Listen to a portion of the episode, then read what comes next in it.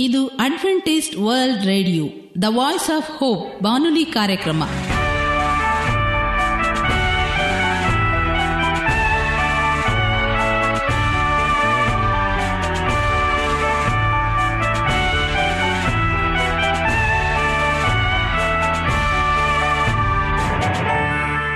ನಮಸ್ಕಾರ ಪ್ರೀತಿಯ ಕೇಳುಗರೆ, ನಮ್ಮ ನಿಲಯದ ಕನ್ನಡ ಕಾರ್ಯಕ್ರಮಕ್ಕೆ ತಮ್ಮೆಲ್ಲರಿಗೂ ಆತ್ಮೀಯ ಸುಸ್ವಾಗತ. ಮುಂದಿನ ಮೂವತ್ತು ನಿಮಿಷಗಳಲ್ಲಿ ಸುಮಧುರವಾದ ಹಾಡುಗಳು, ಆರೋಗ್ಯದ ಸಂದೇಶ, ಮಕ್ಕಳಿಗೆ ನೀತಿ ಕಥೆಗಳು ಹಾಗೂ ದೇವರ ವಾಕ್ಯವನ್ನು ಕೇಳೋಣ. ಈ ಕಾರ್ಯಕ್ರಮ ನಿಮಗೆ ಸಂತೋಷವನ್ನು ಕೊಡಲೆಂದು ಕೋರುತ್ತೇವೆ. ಈ ಕಾರ್ಯಕ್ರಮದ ಪ್ರಾರಂಭದಲ್ಲಿ ಸುಮಧುರವಾದ ಗೀತೆಯೊಂದನ್ನು ಕೇಳೋಣ.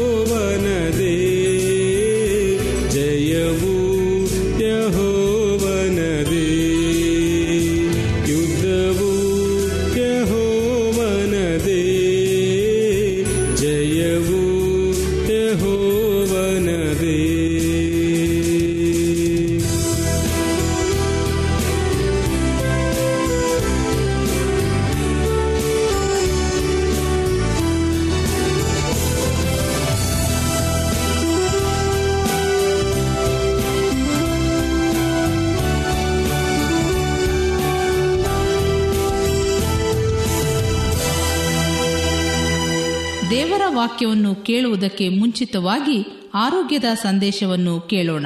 ಮೊಡವೆಗಳ ನಿವಾರಣೆಗೆ ಮಾರುಕಟ್ಟೆಯಲ್ಲಿ ಇರುವಷ್ಟು ಪ್ರಸಾಧನಗಳು ಬೇರೆ ತೊಂದರೆಗಳಿಗೆ ಇರಲಾರದು. ಅಷ್ಟೊಂದು ಬಗೆಯ ಪ್ರಸಾಧನಗಳು ಲಭ್ಯವಿದೆ. ಸಾಮಾನ್ಯವಾಗಿ ಇವು ಹೆಚ್ಚಿನ ಸಮಯ ತೆಗೆದುಕೊಂಡು ಮೊಡವೆ ನಿವಾರಿಸಿದರೂ ಬಳಿಕ ಕಲೆಯನ್ನು ಉಳಿಸಿ ಸೌಂದರ್ಯವನ್ನು ಕುಂದುಗೊಳಿಸುತ್ತದೆ. ಮೊಡವೆ ಮಾಗಿದ ಬಳಿಕ ಚಿಕ್ಕ ಗುಳ್ಳೆಯಂತೆ ಚರ್ಮದಲ್ಲಿ ಕಲೆ ಶಾಶ್ವತವಾಗಿ ಉಳಿಯುವ ಸಾಧ್ಯತೆ ಇರುತ್ತದೆ. ಚಿಕ್ಕ ಪುಟ್ಟ ಮೊಡವೆಗಳನ್ನು ಒಂದೇ ರಾತ್ರಿಯಲ್ಲಿ ಮತ್ತು ಉಳಿದವುಗಳನ್ನು ಎರಡು ಮೂರು ದಿನಗಳಲ್ಲಿ ಇಲ್ಲವಾಗಿಸಲು ಈ ಒಂದು ಕಾರ್ಯಕ್ರಮವನ್ನು ಕೇಳುವಾಗೆ ನಿಮ್ಮಲ್ಲಿ ವಿನಂತಿಸಿಕೊಡುತ್ತೇವೆ ಮೊಡವೆ ಕಾಟಕ್ಕೆ ಟೊಮೊಟೊ ಹಣ್ಣಿನ ಪೇಸ್ ಪ್ಯಾಕ್. ಸಸ್ಯಶಾಸ್ತ್ರದ ಪ್ರಕಾರ ಟೊಮೊಟೊ ಒಂದು ಹಣ್ಣು. ಆದರೆ ನಾವಿದನ್ನು ತರಕಾರಿಯಂತೆ ಬಳಸುತ್ತಿದ್ದೇವೆ. ಇದರಲ್ಲಿ ಉತ್ತಮ ಪ್ರಮಾಣದ ವಿಟಮಿನ್ಗಳು, ಖನಿಜಗಳು ಮತ್ತು ಆಂಟಿ ಆಕ್ಸಿಡೆಂಟ್ಗಳು ಇದರ ಕೆಂಪು ಬಣ್ಣಕ್ಕೆ ಕಾರಣವಾದ ಲೈಕೋಪಿನ್ ಎಂಬ ಪೋಷಕಾಂಶ ಉತ್ತಮ ರೋಗ ನಿರೋಧಕವಾಗಿದೆ ಮೊಡವೆಗಳನ್ನು ಕಲೆ ಇಲ್ಲದಂತೆ ನಿವಾರಿಸಲು ಟೊಮೊಟೊ ಹಣ್ಣಿನ ಪೋಷಕಾಂಶಗಳು ಸಮರ್ಥವಾಗಿವೆ. ಅಷ್ಟೇ ಅಲ್ಲ, ಇದರ ಪೋಷಕಾಂಶಗಳು ಚರ್ಮದ ಆಳಕ್ಕೆ ಇಳಿದು ಹೆಚ್ಚುವರಿ ಎಣ್ಣೆಯ ಪಸೆಯನ್ನು ನಿವಾರಿಸುತ್ತದೆ. ವಿಟಮಿನ್ ಎ ಮತ್ತು ವಿಟಮಿನ್ ಸಿಗಳು ಚರ್ಮಕ್ಕೆ ಪೋಷಣೆ ನೀಡುತ್ತವೆ. ನೀರಿನ ಅಂಶ ಆಂದ್ರತೆ ನೀಡುತ್ತದೆ.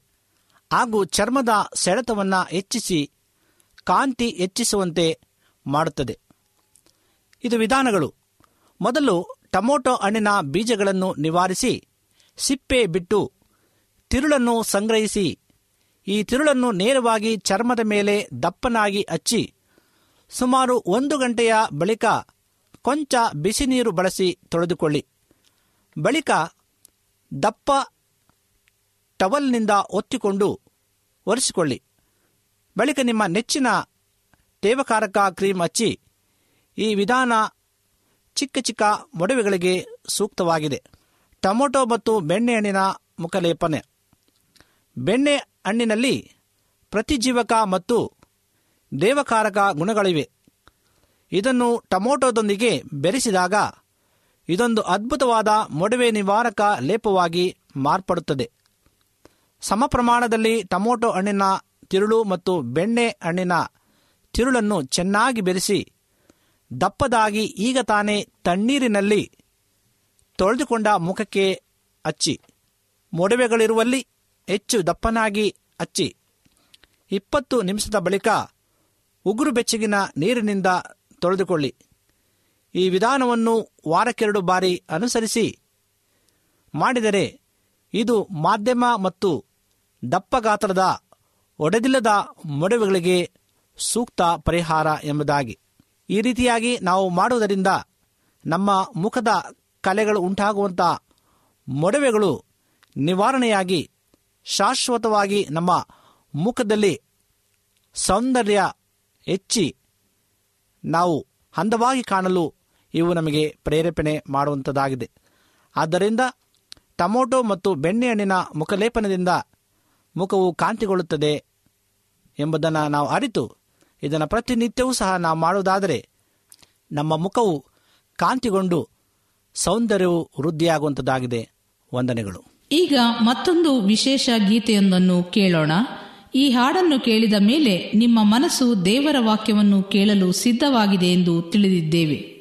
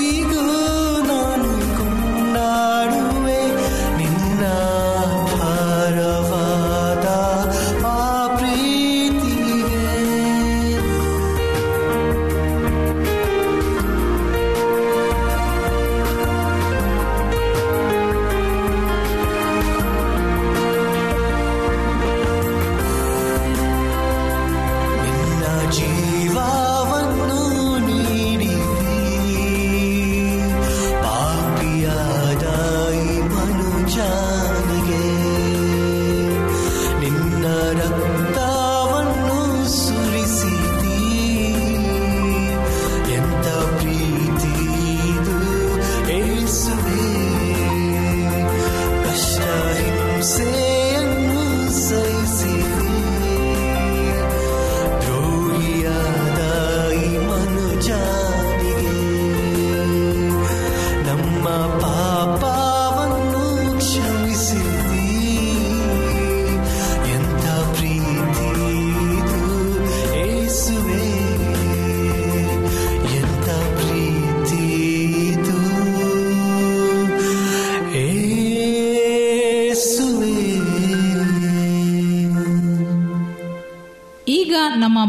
ಬೋಧಕರಾದ ಸುರೇಂದ್ರರವರಿಂದ ದೇವರ ವಾಕ್ಯವನ್ನು ಕೇಳೋಣ. ನಮಸ್ಕಾರ ಪ್ರೀತಿಯ ಬಾನುಲಿ ಮಿತ್ರರೇ, ಇದು ಅಡ್ವೆಂಟಿಸ್ಟ್ ವರ್ಲ್ಡ್ ರೇಡಿಯೋ ಅರ್ಪಿಸುವ ಅನುದಿನದ ಮನ್ನ ಎಂಬ ಕನ್ನಡ ಕಾರ್ಯಕ್ರಮಕ್ಕೆ ತಮ್ಮೆಲ್ಲರಿಗೂ ಆತ್ಮೀಯ ಸುಸ್ವಾಗತವನ್ನ ಬಯಸುತ್ತೇವೆ. ಈ ಕಾರ್ಯಕ್ರಮದ ಮೂಲಕ ದೇವರು ನಿಮ್ಮ ಜೀವಿತದಲ್ಲಿ ಆಶೀರ್ವಾದವನ್ನ, ಆರೋಗ್ಯವನ್ನು ಅನುಗ್ರಹಿಸಲಿ ಎಂಬುದಾಗಿ ಕರ್ತನಾದ ಯೇಸುಕ್ರಿಸ್ತನ ನಾಮದಲ್ಲಿ ನಿಮ್ಮ ಬಾನುಲಿ ಬೋಧಕರಾದ ಸುರೇಂದ್ರನು ಸದಾ ಪ್ರಾರ್ಥನೆ ಮಾಡುವಂತರಾಗಿದ್ದಾರೆ. ಈ ಕಾರ್ಯಕ್ರಮವು ನಿಮಗೆ ಸಂತೋಷ ತಂದಿದೆ ಎಂಬುದಾಗಿ ನಾವು ನಂಬುತ್ತೇವೆ. ಈ ಕಾರ್ಯಕ್ರಮದ ಮೂಲಕ ದೇವರು ನಿಮ್ಮ ಜೀವಿತದಲ್ಲಿ ಆಶೀರ್ವಾದಗಳನ್ನು ಉಂಟು ಮಾಡುವುದಾದರೆ ನಿಮ್ಮ ಸಾಕ್ಷಿಯ ಜೀವಿತವನ್ನು ನಮ್ಮ ಕೂಡ ಹಂಚಿಕೊಳ್ಳುವಾಗೆ ಕೇಳಿಕೊಡುತ್ತೇವೆ. ಹಾಗೂ ನಿಮ್ಮ ಅನಿಸಿಕೆಗಳು ಮತ್ತು ಪ್ರಶ್ನೆಗಳು ಇದ್ದಂತಹ ಪಕ್ಷದಲ್ಲಿ ನೀವು ನಮ್ಮನ್ನ ಪತ್ರದ ಮೂಲಕವಾಗಿಯೂ ಹಾಗೂ ದೂರವಾಣಿ ಮೂಲಕವಾಗಿ ಸಂಧಿಸುವಾಗೆ ಕೇಳಿಕೊಡುತ್ತೇವೆ. ನಮ್ಮ ದೂರವಾಣಿ ಸಂಖ್ಯೆಯು ಒಂಬತ್ತು ಒಂದು ಒಂಬತ್ತು ಸೊನ್ನೆ ಆರು ಸೊನ್ನೆ ಆರು ಎಂಟು ನಾಲ್ಕು ಏಳು ಏಳು ಮೂರು. ನಮ್ಮ email address Surendra zone four five six at Gmail dot com ಎಂಬುದಾಗಿ. ನೀವು ನಮ್ಮ ಕಾರ್ಯಕ್ರಮವನ್ನು ಮೊಬೈಲ್ನಲ್ಲಿ ಸಹ ಕೇಳಬಹುದು. ನಿಮ್ಮಲ್ಲಿ ಐಫೋನ್ ಮತ್ತು ಆಂಡ್ರಾಯ್ಡ್ ಫೋನ್ ಇರುವುದಾದರೆ ನೀವು ಪ್ಲೇಸ್ಟೋರ್ಗೆ ಹೋಗಿ ವಾಯ್ಸ್ ಆಫ್ ಓಪ್ ಎಂಬ ಆ್ಯಪನ್ನು ಡೌನ್ಲೋಡ್ ಮಾಡಿಕೊಂಡು ಈ ನಮ್ಮ ಕಾರ್ಯಕ್ರಮವನ್ನು ನೀವು ಮೊಬೈಲ್ನ ಸಹ ಕೇಳಬಹುದು. ಇಂದಿನ ಅನುದಿನದ ಮನ್ನ ಎಂಬ ಕನ್ನಡ ಕಾರ್ಯಕ್ರಮಕ್ಕೆ ಸತ್ಯವೇದ ಭಾಗದಿಂದ ಆರಿಸಿಕೊಂಡಂತ ಭಾಗವು ಯೋಬನ ಪುಸ್ತಕ ಮೂವತ್ತ ಎಂಟನೇ ಅಧ್ಯಾಯ ಮೂರನೇ ವಚನದಲ್ಲಿ ಕರ್ತನ ಪ್ರಶ್ನೆಗಳು ಎಂಬುದಾಗಿ ಇಂದು ನಾವು ಧ್ಯಾನ ಮಾಡಿಕೊಳ್ಳೋಣ. ದೇವರ ವಾಕ್ಯವು ಹೀಗೆ ಬರೆಯಲ್ಪಟ್ಟಿದೆ. ಶೂರನಂತೆ ನಡುಕಟ್ಟಿಕೋ, ನಾನು ಪ್ರಶ್ನೆ ಮಾಡುವೆನು. ನೀನೇ ನನಗೆ ಉಪದೇಶಿಸು ಎಂಬುದಾಗಿ ಯೋಬನು ಪ್ರಶ್ನೆಯನ್ನ ಮಾಡುವಂತನಾಗಿದ್ದಾನೆ. ನಾನು ನಿನಗೆ ಪ್ರಶ್ನೆ ಮಾಡುವೆನು ಎಂಬುದಾಗಿ ಈ ಶೀರ್ಷಿಕೆಯ ಅಡಿಧಾವರಿಯಲ್ಲಿ ನಾವು ಕಲಿಯುವಾಗ ಯೋಬನ ಪುಸ್ತಕವು ಪ್ರಶ್ನೆಗಳಿಂದ ತುಂಬಿದ ಪುಸ್ತಕವಾಗಿದೆ. ಇದರಲ್ಲಿ ಯೋಬನು ತನ್ನ ಜೀವಿತದ ಕುರಿತು ದೇವರ ಬಳಿ ಹಲವು ಪ್ರಶ್ನೆಗಳನ್ನು ಕೇಳುವಂತನಾಗಿದ್ದಾನೆ. ಅವನ ನಾಲ್ಕು ಸ್ನೇಹಿತರು ಇನ್ನು ಹಲವು ಪ್ರಶ್ನೆಗಳನ್ನು ಕೇಳುವರು. ನಿಮ್ಮ ಜೀವಿತದಲ್ಲೂ ಹಲವು ಸಮಸ್ಯೆಗಳು, ಹೋರಾಟಗಳು ಬರುವಾಗ ಇದು ಯಾಕೆ ಎಂದು ಹಲವು ಪ್ರಶ್ನೆಗಳು ನಿಮ್ಮೊಳಗೆ ಉದ್ಭವಿಸಬಹುದು. ಬೇರೆಯವರೆಲ್ಲ ಚೆನ್ನಾಗಿ ಇರುವರು. ನಾನು ಕ್ರಮವಾಗಿ ದೇವಾಲಯಕ್ಕೆ ಹೋಗುತ್ತೇನೆ. ದೇವರನ್ನ ಪ್ರೀತಿಸುತ್ತೇನೆ, ಆರಾಧಿಸುತ್ತೇನೆ. ಆತನಿಗೆ ನನ್ನ ಆದಾಯದಲ್ಲಿ ದಶಮ ಭಾಗವನ್ನು ನಾನು ತಪ್ಪದೆ ಸಲ್ಲಿಸುತ್ತೇನೆ. ಆದರೂ ನನಗೆ ಯಾಕೆ ಕಷ್ಟಗಳ ಮೇಲೆ ಕಷ್ಟಗಳು ಎಂದು ನಾವು ಚಿಂತಿಸುತ್ತಿರಬಹುದು. ಪ್ರಿಯ ಸಹೋದರ, ಸಹೋದರಿಯರೇ ಜೀವನದಲ್ಲಿ ಹೇಳುವ ಎಲ್ಲ ಪ್ರಶ್ನೆಗಳಿಗೆ ಅನೇಕ ಸಾರಿ ಉತ್ತರ ಸಿಗುವುದಿಲ್ಲ. ಆಂತರ್ಯದಲ್ಲೇ ಅಡಗಿ, ಕಾಲಾಂತರದಲ್ಲಿ ಅವು ಮರೆತು ಹೋಗುವುದು. ಆದರೆ ಕಾಲ ಓದಂತೆಲ್ಲ ಆ ಪ್ರಶ್ನೆಗಳಿಗೆ ಉತ್ತರವನ್ನು ಕಂಡುಕೊಳ್ಳಲು ಸಾಧ್ಯವಾಗುವಂಥದ್ದಾಗಿದೆ ಈ ಪ್ರಪಂಚದ ಸಮಾಧಿಯನ್ನು ದಾಟಿ ದೇವರ ಮಹಿಮೆಯ ದೇಶಕ್ಕೆ ಹೋಗುವಾಗ ಅವುಗಳಿಗೆ ಉತ್ತರವನ್ನು ನಾವು ತಿಳಿದುಕೊಳ್ಳುತ್ತೇವೆ. ಆದ್ದರಿಂದಲೇ ಅಪೋಸ್ತನಾದ ಪೌಲನು ಹೀಗೆ ಸತ್ಯವೇದದಲ್ಲಿ ಬರೆಯುವಂತನಾಗಿದ್ದಾನೆ. ಒಂದು ಕೋರಿಂದ ಹದಿಮೂರನೇ ಅಧ್ಯಾಯ ಹನ್ನೆರಡನೇ ವಚನದಲ್ಲಿ, ಈಗ ಸ್ವಲ್ಪ ಮಾತ್ರ ನನಗೆ ತಿಳಿದದೆ, ಆಗ ದೇವರು ನನ್ನನ್ನು ಸಂಪೂರ್ಣವಾಗಿ ತಿಳಿದುಕೊಂಡಂತೆ, ನಾನು ಸಂಪೂರ್ಣವಾಗಿ ತಿಳಿದುಕೊಳ್ಳುವೆನು ಎಂದು ಆತನು ಸ್ಪಷ್ಟವಾಗಿ ಕೊರಿಂದ ಪುಸ್ತಕದಲ್ಲಿ ನಮಗೆ ಹೇಳುವಂತನಾಗಿದ್ದಾನೆ. ಅನೇಕ ಭಕ್ತರು ದೇವರ ಬಳಿ ಪ್ರಶ್ನೆ ಮಾಡದೆ ಪೂರ್ಣವಾಗಿ ಆತನನ್ನೇ ಆಶ್ರಯಿಸಿ, ದೇವರೇ, ನೀನು ಎಲ್ಲವನ್ನ ನನ್ನ ಹಿತಕ್ಕಾಗಿಯೇ ಮಾಡುವೆ. ಒಂದು ದಿನವೂ ನನಗೆ ಕೇಡನ್ನ ನೀನು ಮಾಡುವವನಲ್ಲ. ನಿನ್ನನ್ನು ಪ್ರೀತಿಸುವವರ ಹಿತಕ್ಕಾಗಿ ಎಲ್ಲ ಕಾರ್ಯಗಳು ಅನುಕೂಲವಾಗುತ್ತವೆ ಎಂಬುದಾಗಿ ನನಗೆ ಗೊತ್ತಿದೆ ಎಂಬುದಾಗಿ ಪೌಲನು ರೋಮಾಪುರದವರ ಬರೆದ ಪತ್ರಿಕೆ ಎಂಟನೇ ಅಧ್ಯಾಯ ಇಪ್ಪತ್ತ ಎಂಟನೇ ವಚನದಲ್ಲಿ ಆತನು ಹೇಳುವಂತನಾಗಿದ್ದಾನೆ. ಒಮ್ಮೆ ಏಸು ಕ್ರಿಸ್ತನು ಪೇತ್ರನ್ನ ನೋಡಿ, ನಾನು ಮಾಡುವುದು ಈಗ ನಿನಗೆ ತಿಳಿಯುವುದಿಲ್ಲ, ಇನ್ನು ಮೇಲೆ ನಿನಗೆ ತಿಳಿಯುವುದು ಅಂದನು. ಯೋಹನ ಹದಿಮೂರನೇ ಅಧ್ಯಾಯ ಏಳನೇ ವಚನದಲ್ಲಿ ಆತನು ಪೇತ್ರನಿಗೆ ಸ್ಪಷ್ಟವಾಗಿ ಯೇಸು ಸ್ವಾಮಿ ಹೇಳುವಂಥ ಸಂಗತಿಯನ್ನ ನಾವು ಓದುತ್ತೇವೆ. ಕೆಲವು ಸಂಗತಿಗಳನ್ನು ದೇವರು ಮರೆ ಮಾಡುವನು ರಹಸ್ಯವಾಗಿಡುವನು, ಕೆಲವನ್ನ ಮುದ್ರೆ ಹಾಕುವನು ಆದರೆ ಕಾಲಾನುಕಾಲದಲ್ಲಿ ಅದನ್ನು ತನ್ನ ಮಕ್ಕಳಿಗೆ ಪ್ರಕಟಪಡಿಸುವನು. ದೇವರು ಪ್ರವಾದಿಯಾದಂಥ ದಾನಿಯಲನಿಗೆ ಹೀಗೆ ಹೇಳುವಂತನಾಗಿದ್ದೇನೆ. ದಾನಿಯಲ್ಲ ಹನ್ನೆರಡನೇ ಅಧ್ಯಾಯ ನಾಲ್ಕನೇ ವಚನದಲ್ಲಿ, ನೀನು ಈ ಮಾತುಗಳನ್ನು ಮುಚ್ಚಿಡು, ಅವುಗಳನ್ನು ಬರೆಯುವ ಪುಸ್ತಕಕ್ಕೆ ಮುದ್ರೆ ಹಾಕು, ಅಂತ್ಯಕಾಲದವರೆಗೆ ಮರೆಯಾಗಿರಲಿ ಎಂದು ಹೇಳಿದ್ದನು. ಆದರೆ ಹೊಸ ಒಡಂಬಡಿಕೆಯಲ್ಲಿ ಅಪೋಸನಾದಂಥ ಸುವಾರ್ತೆಗಾರನಂಥ ಯೋಹಾನನಿಗೆ ಅಂತ್ಯಕಾಲದ ರಹಸ್ಯಗಳನ್ನು ಪ್ರಕಟಿಸು. ಈ ಪುಸ್ತಕದಲ್ಲಿರುವ ಪ್ರವಾದನ ವಾಕ್ಯಗಳನ್ನು ಗುಪ್ತವಾಗಿಡಬೇಡ. ಇವು ನೆರವೇರುವ ಕಾಲ ಸಮೀಪವಾಗಿದೆ ಎಂಬುದಾಗಿ ಪ್ರಕಟಣೆ ಇಪ್ಪತ್ತ ಎರಡನೇ ಅಧ್ಯಾಯ ಹತ್ತನೇ ವಚನದಲ್ಲಿ ಆತನು ತಿಳಿಸುವಂತನಾಗಿದ್ದಾನೆ ಇಂದು ನಾವು ಅನೇಕ ಪ್ರಶ್ನೆಗಳನ್ನು ದೇವರಿಗೆ ನಾವು ಕೇಳಬಹುದು. ನಾನು ನಂಬಿಗಸ್ತನಾಗಿದ್ದಾನೆ ನಾನು ನೀತಿವಂತನಾಗಿದ್ದೇನೆ ಸ್ವಾಮಿ. ನನಗೆ ಯಾಕೆ ಇಂಥ ಒಂದು ಸಮಸ್ಯೆಗಳು ಎಂಬುದಾಗಿ ಪ್ರಶ್ನೆಯನ್ನು ಮಾಡುವಾಗ ಅಂತಹ ಪ್ರಶ್ನೆಗಳಿಗೆ ದೇವರು ತಕ್ಕ ಸಮಯದಲ್ಲಿ ನಮಗೆ ಉತ್ತರವನ್ನು ಕೊಡುವಂತನಾಗಿದ್ದಾನೆ. ಪ್ರೀತಿಯ ಆತ್ಮೀಯ ಸಹೋದರ ಸಹೋದರಿಯರೇ, ನಮ್ಮ ದೃಷ್ಟಿ ಸಂಕುಚಿತವಾದದ್ದು. ಭೂತಕಾಲ ಮಾತ್ರ ನಮಗೆ ತಿಳಿದಿರುವಂತೆ ದೇವರು ಭೂತ ವರ್ತಮಾನ ಕಾಲ, ಭವಿಷ್ಯತ್ ಕಾಲಗಳನ್ನು ತಿಳಿದಾತನು. ದೇವರು ನಿಮ್ಮ ಹಿತಕ್ಕಾಗಿ ಎಲ್ಲವನ್ನ ಮಾಡುವನು. ಆತನು ಮಾಡಿ ಮುಗಿಸುವನು ಎಂಬುದನ್ನು ನಾವು ಅರಿತುಕೊಳ್ಳಬೇಕಾಗಿದೆ.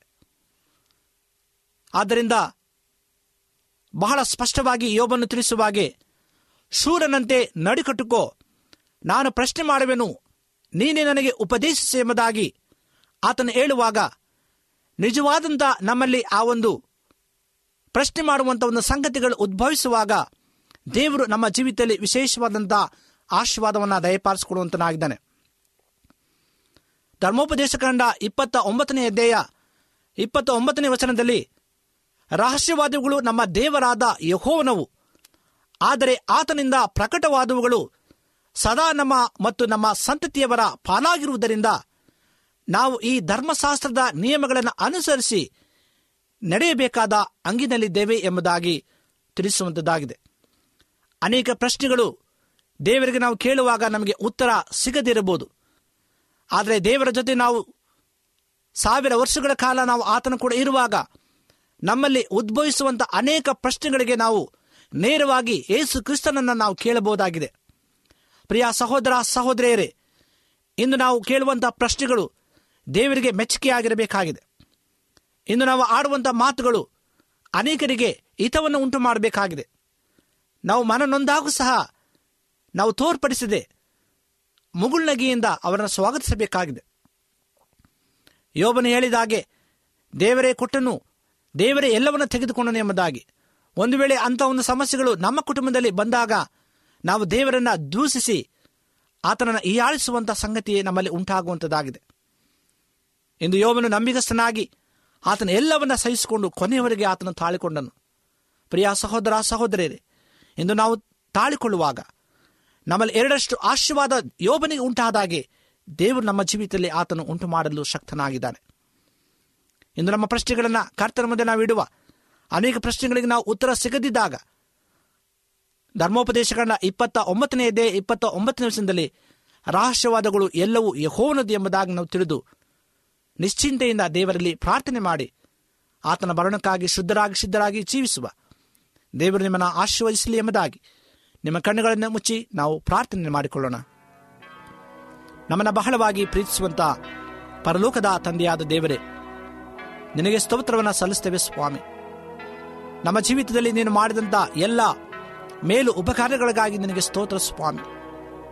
ಕರ್ತನೆ ಯೋವನ ಜೀವಿತದಲ್ಲಿ ಅನೇಕ ಪ್ರಶ್ನೆಗಳು ಉದ್ಭವಿಸಿದಾಗಲೂ ಆತನನ್ನ ದೂಷಿಸದೆ, ನಿರಾಕರಿಸದೆ, ನಿನ್ನಲ್ಲಿ ಸ್ಥಿರಚಿತ್ತನಾಗಿ, ನಂಬಿಗಸ್ತನಾಗಿ ಆತನ ಇರುವಂತೆ ನಿನ್ನ ಕಾಯ್ದಕ್ಕಾಗಿ ನಿನಗೆ ಸ್ತೋತ್ರ. ನಮ್ಮನ್ನು ಸ್ವಾಮಿ, ಆ ನಂಬಿಕೆಯನ್ನ ಉಳಿಯುವಂತೆ ನಮ್ಮನ್ನು ಮಾರ್ಪಡಿಸು, ಬಲಪಡಿಸು. ಈ ವಾಕ್ಯಗಳನ್ನು ಕೇಳುವಂಥ ಪ್ರತಿ ಒಬ್ಬೊಬ್ಬರನ್ನ ನಿನ್ನ ಹೆಸರೆಸರಾಗ್ದಿನ ಆಶೀರ್ವಾದ ಮಾಡಬೇಕಾಗಿ ಬೇಡಿಕೊಡುತ್ತೇವೆ. ಅವರ ಜೀವಿತದಲ್ಲಿ ಕರ್ತನೆ, ಅನೇಕ ಪ್ರಶ್ನೆಗಳಿರ್ಬೋದು. ಆ ಪ್ರಶ್ನೆಗಳನ್ನು ನಿನ್ನ ಸಂಧಿಸುವಾಗ ನಾವು ಕೇಳುವಂತೆ ನಮ್ಮನ್ನು ಮಾರ್ಪಡಿಸು, ಆಶೀರ್ವಾದ ಮಾಡು. ಕಷ್ಟದಲ್ಲಿ, ನೋವಿನಲ್ಲಿ, ಚಿಂತೆಯಲ್ಲಿ, ಅನಾರೋಗ್ಯದಲ್ಲಿರ್ತಕ್ಕಂಥ ಪ್ರತಿಯೊಬ್ಬೊಬ್ಬರಿಗಾಗಿ ನಾವು ಬೇಡಿಕೊಡುತ್ತೇವೆ. ಅವರನ್ನ ಕರುಣಿಸು, ಪರಾಮರಿಸು.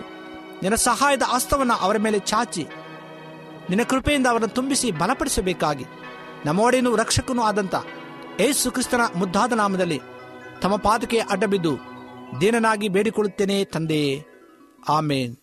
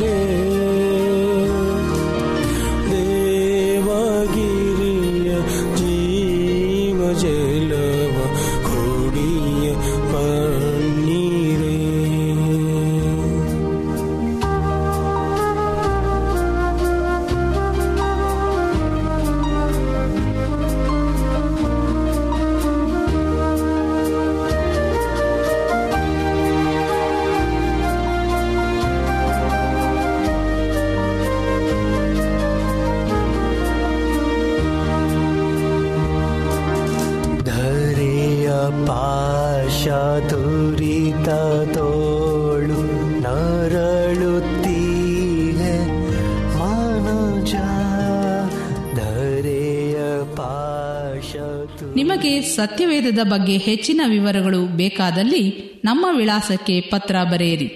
ನಮ್ಮ ವಿಳಾಸ ಅಡ್ವೆಂಟಿಸ್ಟ್ ವರ್ಲ್ಡ್ ರೇಡಿಯೋ ಟಪಾಲು ಪೆಟ್ಟಿಗೆ ಒಂದು ನಾಲ್ಕು ನಾಲ್ಕು ಆರು, ಮಾರ್ಕೆಟ್ ಯಾರ್ಡ್, ಅಂಚೆ ಕಚೇರಿ, ಪುಣೆ ನಾಲ್ಕು ಒಂದು ಒಂದು ಸೊನ್ನೆ ಮೂರು ಏಳು, ಮಹಾರಾಷ್ಟ್ರ, ಇಂಡಿಯಾ.